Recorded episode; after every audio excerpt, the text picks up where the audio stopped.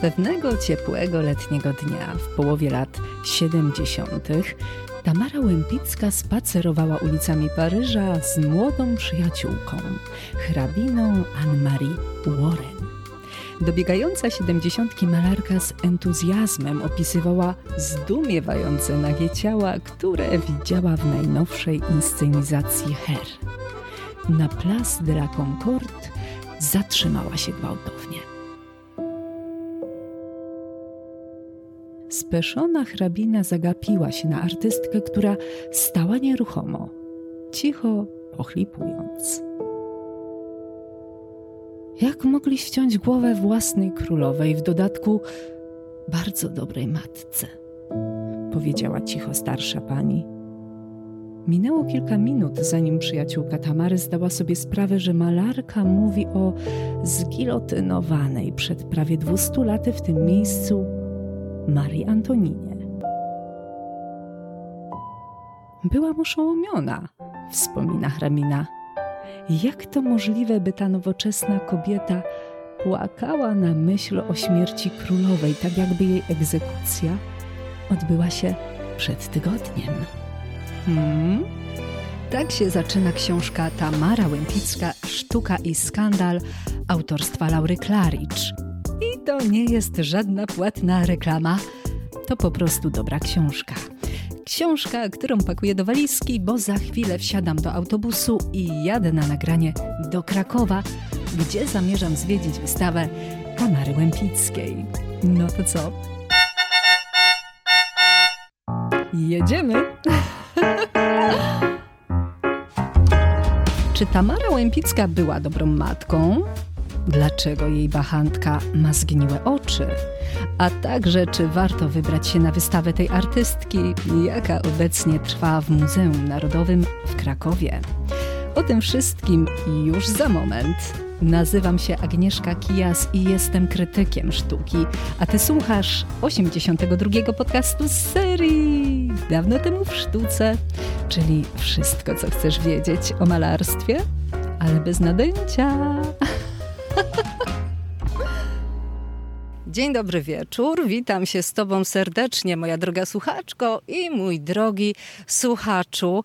No po prostu to był szał. Wsiadłam sobie w autobus linii Lajkonik pomiędzy Tychami a Krakowem i miałam być tu na miejscu mniej więcej godzinę temu, no ale tak się złożyło, że po drodze był jeden korek, drugi korek i dotarłam tu dosłownie na ostatnią chwilę, ponieważ za pół godziny rusza wycieczka po wystawie Tamary Łępickiej, po której oprowadzać będzie mój dzisiejszy gość, Paweł Mrozowicz. Cześć Paweł. Dzień dobry, cześć Agnieszka, dzień dobry wszystkim. Widzimy się już po raz kolejny. Wcześniej spotkaliśmy się przy okazji zwiedzania wystawy Beksińskiego, a teraz Łępicka. Co w sobie ma ta artystka, że postanowiłeś oprowadzać po jej wystawie? Cóż, to jest w sumie dosyć e, osobista historia tak naprawdę, o, bo... Ale fajnie trafiłam na początek, dawaj. No bo mm, cofnijmy się w czasie do grudnia 2020 e, i cóż ja jako przewodnik miejski mogłem robić e, właściwie zawodowo, e, kiedy był lockdown, kiedy właściwie muzea były zamknięte. No to ja sobie wtedy założyłem taką grupę mm, na Facebooku kulturalne wydarzenia online. No i co robiłem? No, opowiadałem o polskiej sztuce po angielsku. No i tam... Fajnie. Pospamowałem cały świat tak naprawdę. No to ja życzę, żeby taki spam o sztuce rozchodził się jak najczęściej. Nie było to łatwe, bo spamowanie czasami zajmowało mi dłużej niż nagrywanie tych, e, tych właśnie, e, jak nazywam, wycieczki online. No i tam każdy mógł mnie jakoś e, wspierać również. No i tak właśnie trafiłem na grupę Art Deco, która była prowadzona przez Ann Paddy. No i ona do mnie napisała, poprosiła, żebym pokazał jej tą wycieczkę o Łępickie, bo Łępicką w ogóle podzieliłem na dwie części. Wyobraźcie sobie to, ten, ten taki głęboki lockdown, prawda? A ja do mojej Biedronki poszedłem, która była najczęściej najczęściej odwiedzanym miejscem na zewnątrz e, podczas lockdownu przeze mnie. Poszedłem sobie, kupiłem małą butelkę frizante, tak właśnie, żebym do wycieczki z Łępicką pił to musujące wino, bo to tak powinno pasować właśnie do, tego, do tej No tematyki. bo ja już myślałam, że ty tam znalazłeś jakąś reprodukcję Łępickiej, a tu proszę, jednak, jednak chodziło o bąbelki. No w, w, mojej Biedronce jeszcze nie ma takich rzeczy, może niedługo, aczkolwiek no e, tak, to, to, to, tam się udałem właśnie po te frizanty, no i zrobiłem tą wycieczkę, Anna mi napisała, ja jej to przesłałem i tak w sumie zaczęliśmy, zaczęliśmy rozmawiać i tak naprawdę wtedy się dowiedziałem o tych planach, e, o, o wystawach w Polsce. One miały być wcześniej te wystawy, no oczywiście lockdown wszystko pokrzyżował, mm -hmm. e, no bo e, no teraz Anna już jest moją koleżanką, ona ma sama, posiada z mężem pięć prac, pięć oryginalnych obrazów e, olejnych e, Łempickiej. Ojejku, a widziałeś je? Miałeś okazję ją odwiedzić? E, no ja w Stanach nie byłem, ale ona przyjechała tutaj i jej prace są w Konstancinie. Czyli pięć obrazów, które należą do Anne, one są tam e, wystawiane w Konstancinie Jeziornej, w Lilla Flair pod Warszawą, a, aczkolwiek na przykład do wystawy krakowskiej Anne udostępniła e, zdjęcia, które możemy na końcu wystawy faktycznie zobaczyć, więc no, faktycznie wtedy wydawało mi się, że wystawa w Lublinie będzie troszkę daleko i to jest troszkę poza moim, e, moim terenem zainteresowań, a później z kolei jeszcze dowiedziałem się, że, e, że będzie prawdopodobnie wystawa, wystawa w Krakowie, tylko że to wszystko było mm, tak naprawdę tajemnicą, sekretem, mm -hmm. ja nie mogłem o tym mówić oficjalnie, no bo to jeszcze nie było potwierdzone, mogło się wiele rzeczy wydarzyć, ale fakt faktem jest taki, że faktycznie ja czekałem na tę wystawę prawie dwa lata. Jak jestem przewodnikiem od lat 15, to nigdy się nie zdarzyło, żebym tak długo czekał na jakąś, e, na jakąś wystawę. Słuchaj, to ty musisz być nieźle przygotowany. Ja mam tutaj y, książkę Tamara Łępicka, Sztuka i Skandal. Jestem przekonana, że znasz tę książkę wzdłuż i wszerz, co? To jest faktycznie takie e, no, główne kompendium wiedzy, jeśli chodzi teraz e, o, o współczesne wydawnictwa o Łępickiej. E, Laura Claridge daje nam taką perspektywę amerykańską. To jest naprawdę piękna rzecz, bo, bo tam polskość jest takim właściwie konstruktem kulturowym. To jest kwestia kochania Chopina, to jest kwestia właśnie pamiętania o Konstytucji 3 maja, o, o Kościuszce. Aczkolwiek sama zauważyłaś, sama tutaj przeczytałaś ten podtytuł i ja chciałbym się tutaj troszkę przyczepić tego podtytułu. Śmiało. Sztuka i skandal. No tak to w Polsce faktycznie zostało przetłumaczone, tylko a w oryginale, no? oryginale to jest, to brzmi e, Life of Deco and Decadence, czyli o. życie sztuki art deco i dekadencji a po polsku sztuka i skandal. Ja... ja nie wiem, nie wiem. Od razu mi się przypomina Dirty Dancing i wirujący seks. Troszkę tak, ale to też moim zdaniem trochę więcej tutaj możemy zauważyć, bo e, ja to postrzegam trochę jako takie wpychanie Łempickiej do tej właśnie szufladki, a skandalistka. O właśnie i tutaj mam z kolei drugą rzecz na temat naszej skandalistki, czyli nie wiem czy znasz e, komiks Tamara Łempicka, który został... Pewnie powstał na podstawie jakiegoś, jakiegoś romansu, prawda? No pewnie jednego. Tutaj wszystko rozbija się o romans, ale całość kończy się tym słynnym obrazem pięknej Rafaeli, tak? No to my go za pół godziny zobaczymy w oryginale, ten obraz, dokładnie. No właśnie, czy możesz jakąś historię na jego temat powiedzieć? E, no, legenda głosi, e, że Łempicka spacerowała po parku, e, no i zdumiona tym, że mężczyźni zwracali uwagę jeszcze na inną kobietę, nie tylko na nią, postanowiła zaciekawiona podejść do tej kobiety, no i przedstawiła się, powiedziała, że jest malarką i zaproponowała jej, zaproponowała jej pozowanie. A to często się odbywa w sztuce, prawda? Picasso także tak poznał jedną ze swoich modelek, Witkacy również słynną asymetryczną dane. To chyba tak działa. Tylko, że mm, no tutaj faktycznie mamy taką, e, taki nurt, e, taki można powiedzieć coś charakterystycznego dla Łempickiej, no bo z jednej strony ona ją zwróciła na nią uwagę, bo no, troszkę była zazdrosna, że inni mężczyźni na nią patrzyli, a z drugiej strony on zaproponowała wprost, żeby pozowała jej nago, prawda? Tutaj bez żadnych y, większych ogródek. I jeżeli tu na moment można wrócić do tego sformułowania skandalistka, to być może także ten element, że Tamara była biseksualna ma znaczenie pamiętajmy, to jakoś specjalnie nie szokowało wtedy nad Sekwaną, w sensie biseksualne kobiety, zwłaszcza artystki, aczkolwiek ja postrzegam ten polski podtytuł jako trochę taką próbę wyważenia, że nie wiem, wielkim malarzem to był Matejko, a ona jest najwyżej skandalistką. I tutaj trochę e, no, taki mój bunt się, się, się rodzi w tym zakresie, bo to się umniejsza jej po prostu jako artystce e, właśnie w ten, e, w ten sposób, a bynajmniej moim zdaniem ona na to nie zasługuje, bo, bo naprawdę była świetną malarką. Mhm. A który fakt e, z biografii artystki, bo rozumiem, że oprócz tych e, materiałów, które ja dzisiaj ze sobą przywiozłam, ty na pewno przedarłeś się przez jeszcze większą ich ilość, fascynuje cię najbardziej, albo może inaczej, który cię najbardziej zaskoczył, że wow, naprawdę? No to jest taka biografia, którą mogłaby obdzielić e, właściwie no, kilkadziesiąt osób i spokojnie to, e, no, to byłyby bardzo takie krwiste i bardzo takie soczyste e, biografie, prawda? Pamiętajmy, że artystka żyła te 85 lat, więc teraz mnie zaskoczyłaś tym pytaniem, mm -hmm. co jest tym naj, co, co mnie no tutaj... No to takie, wiesz, takie twoje prywatne, osobiste, co, co ciebie tak, wiesz, nie wiem, na przykład przeczytałeś ten tekst i się uśmiechnąłeś, że serio, Tamara?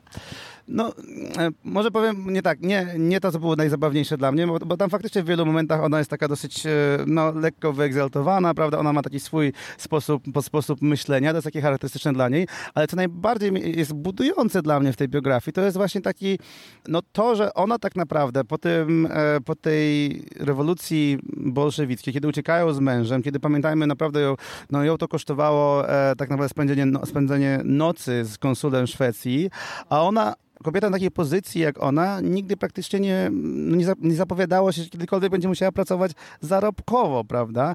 A ona zakasała rękawy i wzięła się do pracy i właściwie spokojnie mogłaby dzisiaj robić wykłady o pewności siebie, o, o, o właśnie no budowaniu właściwie... E, marki osobistej marki też? osobistej, ale o niepoddawaniu się, prawda? O, mm -hmm. tym, o mhm. tym, że, e, że tak naprawdę możemy stworzyć, możemy być kowalem swojego własnego losu. I w tym kontekście należałoby moim zdaniem czytać te, te wszystkie problemy z biografią, że do dzisiaj nie wiem dokładnie tak naprawdę, mamy wątpliwości, gdzie się urodziła, kiedy się urodziła, Oj, tak. no bo ona się po prostu nie godziła z tym, żeby e, to, po której stronie rzeki się urodziła, czy to też w którym roku, żeby jakikolwiek miało wpływ na nią. Ona po prostu uważała, że życie jest pewnego rodzaju kreacją. Życie jest dziełem sztuki. O, jest kreacją, ale kreacji to też miała ona sporo, ponieważ no, w pewnym momencie to już nawet nie musiała ich kupować, tylko znane marki zabijały się o to, żeby Łępicka ubrała ich sukienkę. Z tego co wiem, miałeś także pomysł, żeby w jakiś sposób mrugnąć okiem do zwiedzających i przebrać się w kostium z epoki. Czy to się udało, czy jeszcze nad tym pracujesz? E, faktycznie ja mam taki pomysł, żeby zrobić taką sesję, e, no, no bo nie nie ma dużo takich artystów, żeby to miało sens praktycznie, e, zwłaszcza takich artystów, którzy wystawiają się tutaj e, w Krakowie, e, a tutaj faktycznie aż się prosi, prawda? Aż się Aha. prosi, żeby była taka, taka możliwość. Stylizacji takiej. Dokładnie, więc mam taki pomysł, żeby zrobić taką sesję właśnie ze strojach epoki, damskich i męskich. Mam taki pomysł, żeby zrobić imprezę również ze, stroju, ze strojach epoki. Zwłaszcza, że teraz we wtorek otworzyła się kolejna wystawa. No nie wiem na ile na tej fali popularności Łempickiej na podstawie tych kolejek, które stoją do, do, do muzeum, ale e, otworzyła się wystawa e, o Helenie Rubinstein w Krakowie, mm. właśnie w Gali e, Żydowskim Muzeum Galicja. A pamiętajmy, że to jest ten sam okres, to jest o, też ten sam sposób kreowania siebie, też nie wiemy, kiedy się dokładnie urodziła. To jest też kobieta, która była jedną z bogatszych kobiet na, na świecie. No i e, no znały się, znały się, a właściwie jej siostra, czyli Adrianna Górska, siostra Łępickiej, e, projektowała do salonów e, kosmetycznych Heleny Rubinstein. Więc mamy tak naprawdę ten rok 22 trochę takim rokiem Łempickiej, rokiem właściwie triumfalnego powrotu Łempickiej do, można powiedzieć, do świadomości Polaków, jak i też no, e, po 100 latach to są, to jest e, właściwie renesans też zainteresowania latami 20 30 Okej, okay, Paweł, to jakie jeszcze obrazy dzisiaj będzie można zobaczyć na tej wystawie i przybliż historię przynajmniej jednego z nich?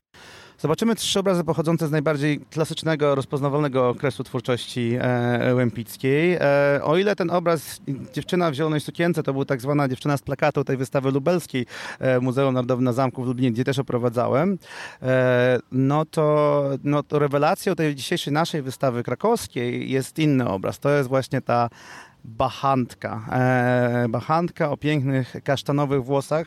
Bachantka, czyli kobieta, która podaje wino.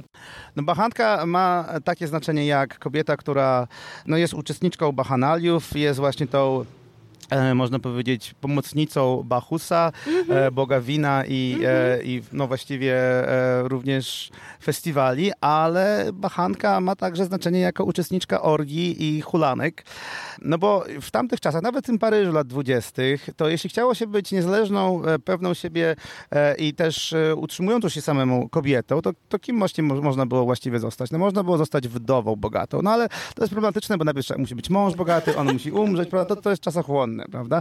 Można było ewentualnie próbować zostać świętą, matką przełożoną, zakonnicą, to też troszkę czasochłonne. Trochę nudne E, też. No, no nie jest to, zbyt- no, być może nie jest najbardziej ekscytującym życiorysem, prawda? No albo można było właśnie zostać artystką, bo i to jest fascynujące, że właśnie ta symbolika tego, tego obrazu, e, te bachanalia, te bachanki, o których, od których się pisało, że właśnie oddawało się orgią e, na, podczas tych bachanaliów, że one były tym okazją, żeby ta, tą okazją, żeby te, ta rzekomo, no pogardzana na co dzień płeć, ona mogła się w końcu wykrzyczeć. I ta sztuka była tymi bachanaliami dla Łępickiej. To jest niesamowite, że my ten obraz dzisiaj tu możemy zobaczyć. To jest debiut obrazu w Krakowie, debiut w Polsce i właściwie od 1933 roku, kiedy on był na Salonie Niezależnych, został, został wyeksponowany. Pan, e, pan Weinstein kupił go w, 20, w 2020 roku. On praktycznie na otwartej wystawie publicznej nie był wystawiany od tamtego czasu. To jest debiut, można powiedzieć, światowy bachanki od prawie 90 lat. Ona jest tą dziewczyną z plakatu, ona jest na tej fladze pod muzeum, e, ona jest na tych legendarnych parasolkach, które za, za niecałe 150 zł można kupić. No ja i tak mm, zachęcam, bo pewnie na Allegro będą niedługo za 300 zł. Dobra, dobra, ale Paweł, zakładam, że mimo wszystko część słuchaczy mogła nie widzieć tego obrazu. Jakbyś omówił, żeby można było sobie dzisiaj tak spróbować go wyobrazić. Więc e, tak, Bachantka, czyli widzimy tą postać, tą modelkę, Bachantkę, ona, ona tam pozuje do tego obrazu z winogronami. No winogrona oczywiście są symbolem Bachusa, symbolem tych, e, tego boga, tych właśnie e, bachanaliów, jak żeby inaczej, ale też tutaj kolorystycznie i kształtem te winogrona nawiązują do tych ogromnych tęczówek modelki. One są właśnie dokładnie w tym samym kolorze, one są też bardzo takie wielkie, okrągłe. I- A jakim, jakim? Jaki to jest kolor? No to jest taka trochę zgniła zieleń, bym powiedział. Tak właśnie w ten sposób. Nie jest taki czyst, czysty zielony, taki troszkę właśnie bardziej, bardziej zgniła, e, zgniła zieleń. E, to jest oczywiście też nawiązanie do e, tym Bachusem dla Łępickiej. To był jeden z tych mistrzów włoskich, klasyków włoskich. Caravaggio. No jest taki e, e, autoportret, tak zwany zmęczony, czy tu- tudzież chory Bachus. Tak. I tam właśnie młody Caravaggio był tam, miał taki trochę dołek, trudniejszy okres. No właśnie sobie sam, sam sportretował, prawda? Sino-zielona cera, brudne paznokcie, podgniłe nieco winogrona, których byśmy nie chcieli zjeść i mocny kac na twarzy. Tak wygląda ten chory Bachus. Dokładnie, więc tutaj widzimy wprost e, to nawiązanie u Łępickiej, tylko oczywiście w tym swoim stylu przekształcone. Bardzo ciasny kadr tego obrazu e, i podkreślono oczywiście czerwone usta, te, te takie elementy e, makijażu, elementy właśnie też no, erotyczne są często podkreślane w tych portretach Łępickiej. Pamiętajmy, że art- artystka nigdy nie opuszczała domu bez, bez makijażu. No i to spojrzenie, to spojrzenie takie, no tutaj akurat nie w górę, ale, ale na zewnątrz. O tym spojrzeniach się mówi, że to jest takie wpatrywanie się w to rajskie, rajskie niebo.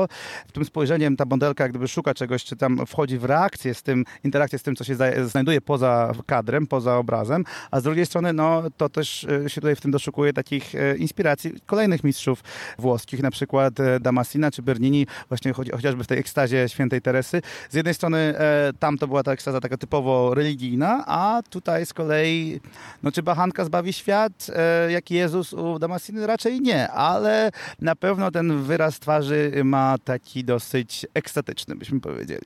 Kiedy jechałam tutaj do ciebie, do Krakowa, to wysłałeś mi cytat. Nie ma czegoś takiego jak szczęście. Jest tylko ciężka praca. I faktycznie można powiedzieć o Łępickiej to, że była tytanem pracy. Mm, Czy warto iść taką drogą, jaką szła artystka, czy jednak, czy jednak gdzieś trzeba skręcić? Ojejku, to takie psychologiczne już A pytanie, co? trochę tak wyszliśmy poza sztukę. Czy warto? Może tak. E, na pewno warto pamiętać, że wiele zależy od nas. Mimo wszystko, mimo wszystko, nawet jeśli musieliśmy uciekać, e, uciekać z bolszewickiej Rosji, cały świat się nam zawalił. Nawet jeśli musieliśmy uciekać z pięknej Europy, e, bo też i ona, i jej drugi mąż byli pochodzenia żydowskiego i zostawiła za sobą praktycznie cały ten sukces, który osiągnęła w Paryżu w latach 30., bo w Stanach Zjednoczonych to już nie, no, no nie była postrzegana jako, jako artystka popularna. E, No ale mimo to stała się tą, stała się tą legendą, więc e, no, to jest naprawdę e, świetna informacja, że że wszystko możemy. Ni- Nigdy nie jest tak źle, że mogłoby nie być gorzej, a nigdy nie jest tak źle, żeby nie mogło być to tym momentem, żeby nad tym pracować. I no bo mówi się tak naprawdę, że gdyby nie ta rewolucja bolszewicka, albo gdyby też Tamara w tamtym okresie spotkała po prostu mężczyznę, który był się w stanie nią finansowo zaopiekować, to nigdy nie stałaby się malarką, w sensie zawodowo malarką, nie zarabiałaby na tym. Tak samo gdyby również miała tak zwaną popularną urodę. Pamiętajmy, że jej e, figura, może tego nie widać na tych zdjęciach, bo one są świetnie, e, świetnie też zapozowane i, i zrobione, ale ona miała tak zwaną niemodną kobiecą figurę. Ej, ej, ale co to znaczy? Biodra miała szerokie, za duży biust. No właśnie, zdaje się, że to chodzi właśnie głównie o to, że to bo to, było nie, to było niemodne. Pamiętajmy, że e, moda była inna wtedy, wtedy we Francji, w tych latach dwudziestych. Pamiętajmy, że nasz rodak z Śradza, Antoni Cierplikowski, zwany, znany na świecie jako Antoine de Paris, no to on stworzył tą fryzurę na chłopczycę, prawda, która stała się wtedy modna. Modną figurę to miała Suzy Solidor, prawda, którą Łępicka też portretowała. To jest z kolei e, ten obraz, ten portret jest z kolei e, tą dziewczyną z plakatu tej wystawy w Konstancinie pod Warszawą, e, więc na taką bardzo chłupi, bardziej chłopięcą figurę, ale to jest na szczęście, to jest na szczęście, że ona tak, bo gdyby miała tą modną figurę, to pewnie stałaby modelką, jak wiele tych arystokratek e, rosyjskich, a ona nie, ona właśnie nie miała szans jako modelka, jej siostra ją zainspirowała, poszła na lekcję rysunku, malarstwa, e, no i właśnie, no i zobaczmy, z jednej strony nie poddała się, a z drugiej strony, no to jest też niesamowity przykład takiej historii o, o body pozytywizmie. To co z tego, że, że nasza figura może nie pasuje najbardziej do kanonów, to tym gorzej dla kanonów byśmy mogli powiedzieć. Super, Paweł. Tak, Okej. tak. Czyli dzisiaj czeka nas prawdziwa artystyczna uczta. Mam nadzieję, że jeszcze uda nam się usiąść na moment po zwiedzaniu i jeszcze popytam Cię o parę szczegółów. Tymczasem na chwilę się rozłączamy i wracamy do Was po zwiedzaniu. Pa, pa! I nim przejdziemy do drugiej części opowieści o Tamarze Łępickiej, to chcę Ci serdecznie podziękować. Tam, taradam! Mamy to. Wspólnie kupiliśmy nagrywarkę, a dlaczego wspólnie? Bo ta nagrywarka w całości została sfinansowana z KAF, jakie postawili mi słuchacze na bajkafi.tu ukośnik dawno temu w sztuce. Jeżeli byłaś, byłeś jednym z nich, to bardzo, bardzo Ci dziękuję, bo dzięki Tobie i temu wsparciu ten kanał może się rozwijać. Pomagasz zarówno kupując mi kawę, ale nie tylko. Każdy like, każde odsłuchanie czy wyświetlenie jest na wagę złota. To wysyła moje treści w świat, a w efekcie więcej osób może ich słuchać. No dobra, a teraz powiem Ci, co to cudo potrafi. Zoom pod track P4 ma cztery wejścia na mikrofony, zatem mogę nagrywać równolegle cztery osoby. Mogę też robić materiały w terenie, stacjonarnie oraz nagrywać rozmowy telefoniczne. To oznacza materiały lepszej jakości. Jeszcze raz Ci dziękuję i czekam na kolejne kawusie. Teraz zbieramy na słuchawki i drugi mikrofon do tych wywiadów. A tymczasem ściskam Cię mocno, pozdrawiam i wracamy na wystawę Tamary. No i ponownie jestem z Pawłem. Tym razem siedzimy w środku, wewnątrz Muzeum Narodowego w Krakowie. Właśnie zwiedziliśmy wystawę Tamary Łępickiej. Oj, długo nam to zeszło. Można by o niej opowiadać godzinami. No, taką biografię, taką historię faktycznie e, jest co opowiadać. Raz, że żyła długo, dwa, że żyła, można powiedzieć, za, za kilkoro osób spokojnie, więc e, e, samo to, że przecież powstały te dwa musicale, no teraz powstaje film dokumentalny, właściwie kilka filmów dokumentalnych, będzie prawdopodobnie też film fabularny, może nawet serial, więc no jest tutaj można powiedzieć, bardzo narracyjna jest ta biografia, tak to można Oj powiedzieć. tak, a jeszcze jak powstanie film, kto wie, być może zagrają Lady Gaga, bo też chodzą takie słuchy, zobaczymy na czym stanie, ale jeżeli będzie film, to tak jak w wypadku każdego innego artysty, będzie ten film na pewno niósł Tamarę jak na skrzydłach. Ale ja, Paweł, zapytam trochę prowokacyjnie. Czy Tamara była dobrą matką? Najlepszą matką na pewno nie była, ale z drugiej strony czy jak patrzymy na, nie wiem, na e, Matejkę e, Wyspiańskiego czy Picassa, to pierwsze, co się zastanawiamy, to czy, była dobry, czy byli dobrymi ojcami? No nie, prawda? Mi się wydaje, że samo takie wyciąganie tego z tej biografii jest e, e taką, no pokazuje nam takie myślenie bardzo patriarchalne, prawda, że ona nie spełniała się jako, się jako matka, ale spełniała się jako artystka. No a od, od mężczyzn, mężczyznom się nie stawia takich, takich warunków, że oni przede wszystkim muszą być ojcami, a później jeszcze jak mają, mają jakiś wolny czas, mogą sobie coś tam robić e, w, w garażu, w pracowni i być, być artystami. Więc faktycznie w kategorii najlepszych matek, no to, to ewidentnie złotego medalu nigdy by nie, nie dostała, to prawda. Ale mówi mówiłeś także o tym, że w jej rodzinie to nie matka zajmowała się córką, tylko babcia. Jak to wyglądało? Tak, faktycznie. Sama Tamara spędziła dzieciństwo u babci Klementyny Deklarowej. To był taki bardzo, no z jednej strony babcia była Żydówką, ale też była polską patriotką. To tam właśnie Tamara e, przysiąkała tą polską kulturą, a później sama Tamara z kolei zajmowała się swoimi wnuczkami. Ona z nimi z kolei jeździła do, e, do Europy. Ona była dobrą babcią. Była świetną babcią. Ona potrafiła sama, e, sama kupić materiał i uszyć sukieneczki z dodatkami dla właśnie obu, obu wnuczek. Później Wiktoria Łępicka wspominała to, te, właściwie to Marisa Łępicka, czyli prawnuczka, wspominała, że, że te same ręce, które mm, malowały te no, najbardziej reprezentatywne, legendarne obrazy lat 20-30 w Europie, noszyły sukieneczki dla, dla tych małych e, dziewczynek. One później z nimi paradowały. My dzisiaj możemy na wystawie tutaj faktycznie zobaczyć takie urywki filmów, kiedy te e, dziewczynki faktycznie spacerują sobie z babcią po różnych miejscach na świecie właściwie. Tak, ale możemy też zobaczyć dwa portrety córki artystki, wyjątkowo przejmujące. Tak, widzimy na wystawie krakowskiej widzimy dwa portrety Kizet z 27 roku. Kizet w różu i Kizet na balkonie. Ile miała wtedy lat? 11. Miała no. wtedy, Kizet miała wtedy 11 lat.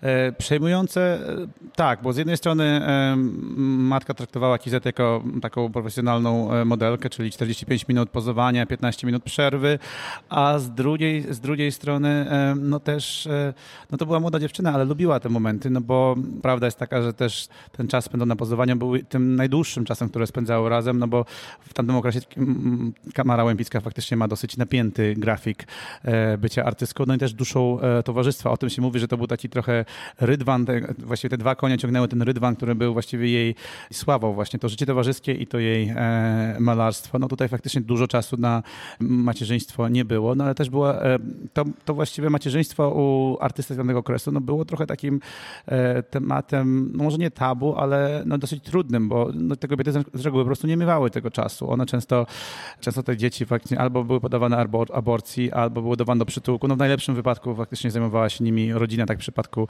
Kizet. Co ciekawe, kiedy e, Tamarą zajmowała się właśnie babcia Klementyna, z kolei Kizet zajmowała się matka Tamary, czyli właśnie Malwina, czyli też właśnie babcia. Jeżeli jesteśmy przy tym okresie babci w życiu Tamary Łępickiej, to Tamara musiała zastosować pewien podstęp, żeby dostać się razem z babcią do do, do, do gdzie? Do gdzie? Włoch, do Włoch. Tak. O, i tam był pewien Francuz, bardzo ważny dla życia Tamary. Dajesz. Otóż tak, y, no podstęp polegał na tym, że Tamara faktycznie udawała, e, no udawała, że jest bardzo chora i no, tą, tym remedium, właściwie tym lekarstwem miał być właśnie wyjazd do, e, do krajów, gdzie się, no, gdzie się po prostu mogła na, na oddychać świeżego powietrza, czyli najlepiej właśnie we Włoszech. No i tam babcia faktycznie ją zabrała, tylko że no, babcia spędzała dużo czasu w e, kasynach, do których nie mogła zabrać ze sobą młodej dziewczyny, dlatego babcia wynajęła Francuza, wynajęła francuskiego malarza. Rozumiem, że to nie był stary dziad. Nie był stary, to był młody chłopak, no raczej, raczej starszy od Łępicy, która miała, no to była młoda nastolatka wtedy, to był dorosły mężczyzna, ale młody. Zapewne przystojny. Dokładnie, bo tak ona po latach to wspominała, jak e, uczył ją tego malarstwa w tych przerwach, kiedy właśnie babcia była zajęta hazardem, no to wspominała później, że sama nie wiedziała, cóż jest bardziej inspirujące, te włoskie pejzaże, czy ten piękny wzrok tego przystojnego Francuza, który patrzył na mnie, więc e, sama jeszcze nawet uważała, że to, że on jej dał sztalugi, że dał jej przybory malarstwie, to było dowodem niezbitym na jego wielką miłość właśnie e, wobec Tamary. Oczywiście to, że pewnie babcia za to zapłaciła, bo babcia go wynajęła, to nie miało żadnego znaczenia. Ona, ona wierzyła, że to na pewno chodziło o tą dozgodną miłość tego Francuza. Ale spodziewam się, że nie te palety, nie te farby widzimy na krakowskiej wystawie, bo taki eksponat również tu się znajduje. Tak, właściwie to jest jedyny przedmiot taki codzienny, który należał do Tamary, który się tutaj e, dzisiaj e, znajduje na wystawie, ale to no, tutaj akurat nie ma dużo informacji co do tego, którego to jest okresu ta, ta, ta paleta i, i kiedy ją zakupiła, ale no, nie sądzę, żeby to właśnie była ta dokładnie od tego Francuza, bo to na pewno byłoby tutaj wspomniane, bo to jest no, świetna, świetna historia. Oprócz obrazów, których na wystawie możemy zobaczyć naprawdę szereg, są też e, zdjęcia artystki, a także jest projekt projekcja filmowa. Projekcje są trzy i właśnie teraz się zastanawiam, o której mogłeś e, chcieć wspomnieć. Przede wszystkim o tej ostatniej, co opowiadaliśmy sobie o pracowni artystki, o tym, kogo tam malowała. Czyją muzykę słyszeliśmy w tle. Tak, Umbel Atelier Modern, czyli piękna, nowoczesna pracownia. To jest taki filmik troszkę, byśmy powiedzieli, reklamowy, którym, na którym widzimy tak, widzimy w ogóle najpierw taką starą, zakurzoną pracownię i ona tam jeszcze podpisuje, że to jest niby rodem z powieści Gabriele D'Annunzio, a tutaj no to jest taka jedna z bardziej kolorowych postaci w, w tej bardzo, bardzo kolorowej e, biografii. To jest no, niedoszły kochanek Łępickiej, o, której, o relacji z którym też powstał musical oczywiście. W każdym razie to jest taki troszkę, byśmy powiedzieli, zwykły proszek, to jest ta, ta, ta taka stara pracownia, a później nagle przeskok i to jest ten wizir, proszę Państwa, to jest ten taki już lepszy proszek, to jest właśnie ta współczesna pracownia. Biel Przy... staje się jeszcze bielsza. Do, dokładnie.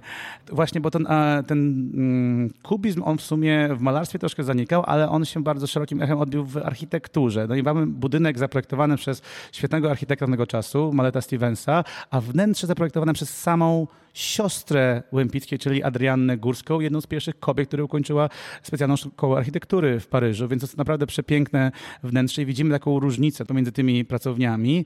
E, no i też widzimy Łempicką, która maluje pozującą do aktu Suzy Solidor. Suzy Solidor to jest właśnie ta artystka, ta piosenkarka, aktorka, która śpiewa nam na wystawie. Ona śpiewa właśnie tą piosenkę Mon Secret, czyli Mój Sekret. Mm. Suzy Solidor, która była właścicielką też klubu e, nocnego.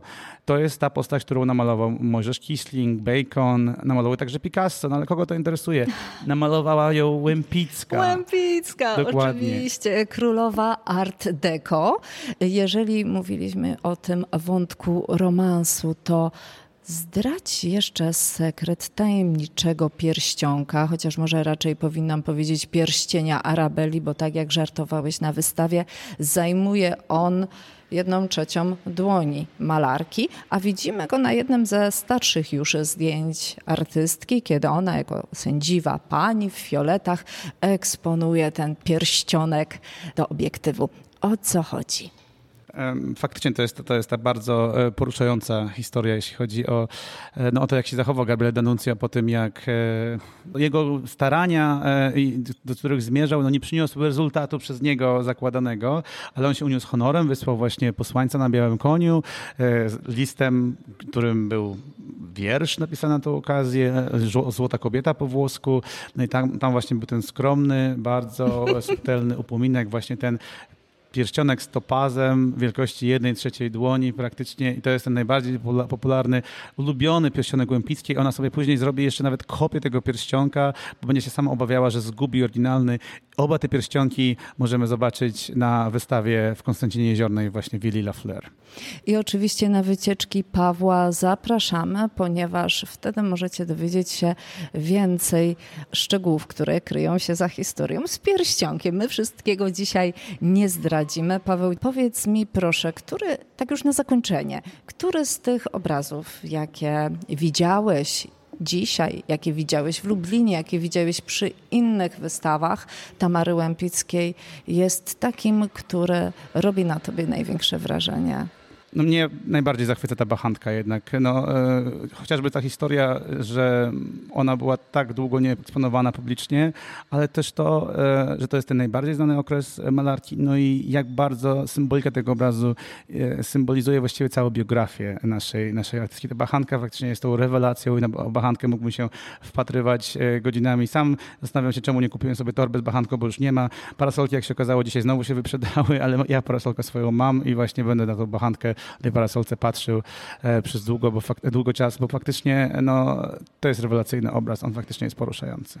Poruszający obraz, niesamowita kobieta z ogromną energią, królowa Art Deco Tamara Łempicka była niejako także naszym dzisiejszym gościem, ale przede wszystkim rozmawiał o niej ze mną Paweł Mrozowicz, przewodnik po krakowskich i nie tylko wystawach. Więcej o wydarzeniach Pawła znajdziecie na jego Facebooku, Facebooku Good Events with Paweł, gdzie oczywiście Was zapraszam. Zapraszam także na moje sociale, na Instagrama, na Face'a dawno temu w sztuce. Wszystkie nazywają się tak samo. Paweł, dziękuję Ci bardzo za rozmowę.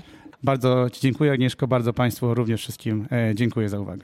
Dziękuję również. Paweł leci na wystawę, a ja lecę na autobus. Niech żyje sztuka. Do usłyszenia. Mówiła dla Ciebie Agnieszka Kijas, krytyk z sercem do sztuki. Jeżeli podoba Ci się to, co robię i chcesz wspierać podcast dawno temu w sztuce oraz brać czynny udział w jego rozwoju, postaw mi kawę na buycoffee.tu ukośnik dawno temu w sztuce. Powtarzam, buycoffee.tu ukośnik dawno temu w sztuce. To portal, który wspiera internetowych twórców. Możesz mi tam postawić symboliczną kawę za piątaka. Cel jest jeden: stworzenie domowego studia nagrań, by słuchanie podcastów było dla Ciebie jeszcze przyjemniejsze. Mhm. Postaw kawę na swój wolny czas. Link znajdziesz w opisie. Dziękuję za wszystkie kawusie i zapraszam na kolejne podcasty. Agnieszka Kijas. Thank you very much. Wiktor i Kizet pomogli malarce położyć się do snu. Kiedy potrzebowała pomocy w chodzeniu, tak jak tego wieczoru, opierała się na ramionach osoby idącej przed nią i powoli przesuwała stopy. Kiedy już została umieszczona w podwójnym łóżku w pokoju, który dzieliła z nią Kizet, nastawiła sobie aparat tlenowy. Wiktor pocałował ją na dobranoc i wyszedł.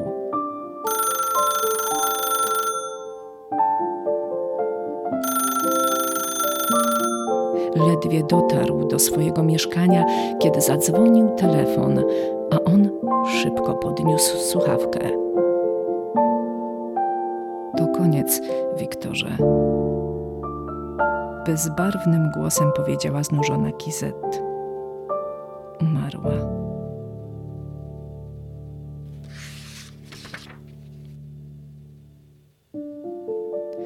Wsiadł do samochodu i pojechał z powrotem, by znów zobaczyć się ze swoją przyjaciółką na jej nieprzewidziane, nieznoszące sprzeciwu i tym razem ostatnie wyzwanie. Mm. No.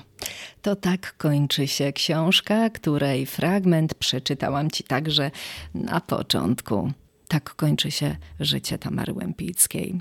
Jeżeli lubisz czytać, to oczywiście odsyłam cię do lektury Tamara Łępicka Sztuka i skandal Laury Klaricz, a jeżeli masz ochotę zwiedzić wystawę tej malarki, to koniecznie z moim podcastem na uszach. Będzie mi bardzo miło. Czekam na informacje od Ciebie, jak Ci się podobał ten odcinek. Dziękuję, że jesteś tu ze mną aż do końca. Proszę także o wsparcie na bajkafi.tu kośnik dawno temu w sztuce, a ten fragment, ten krótki, bonusowy fragment nagrałam już na mojej nowej nagrywarce, więc mam nadzieję, że słyszysz różnicę. Pozdrawiam Cię bardzo serdecznie. Do usłyszenia w następnym odcinku. Pa, pa. No i mamy to.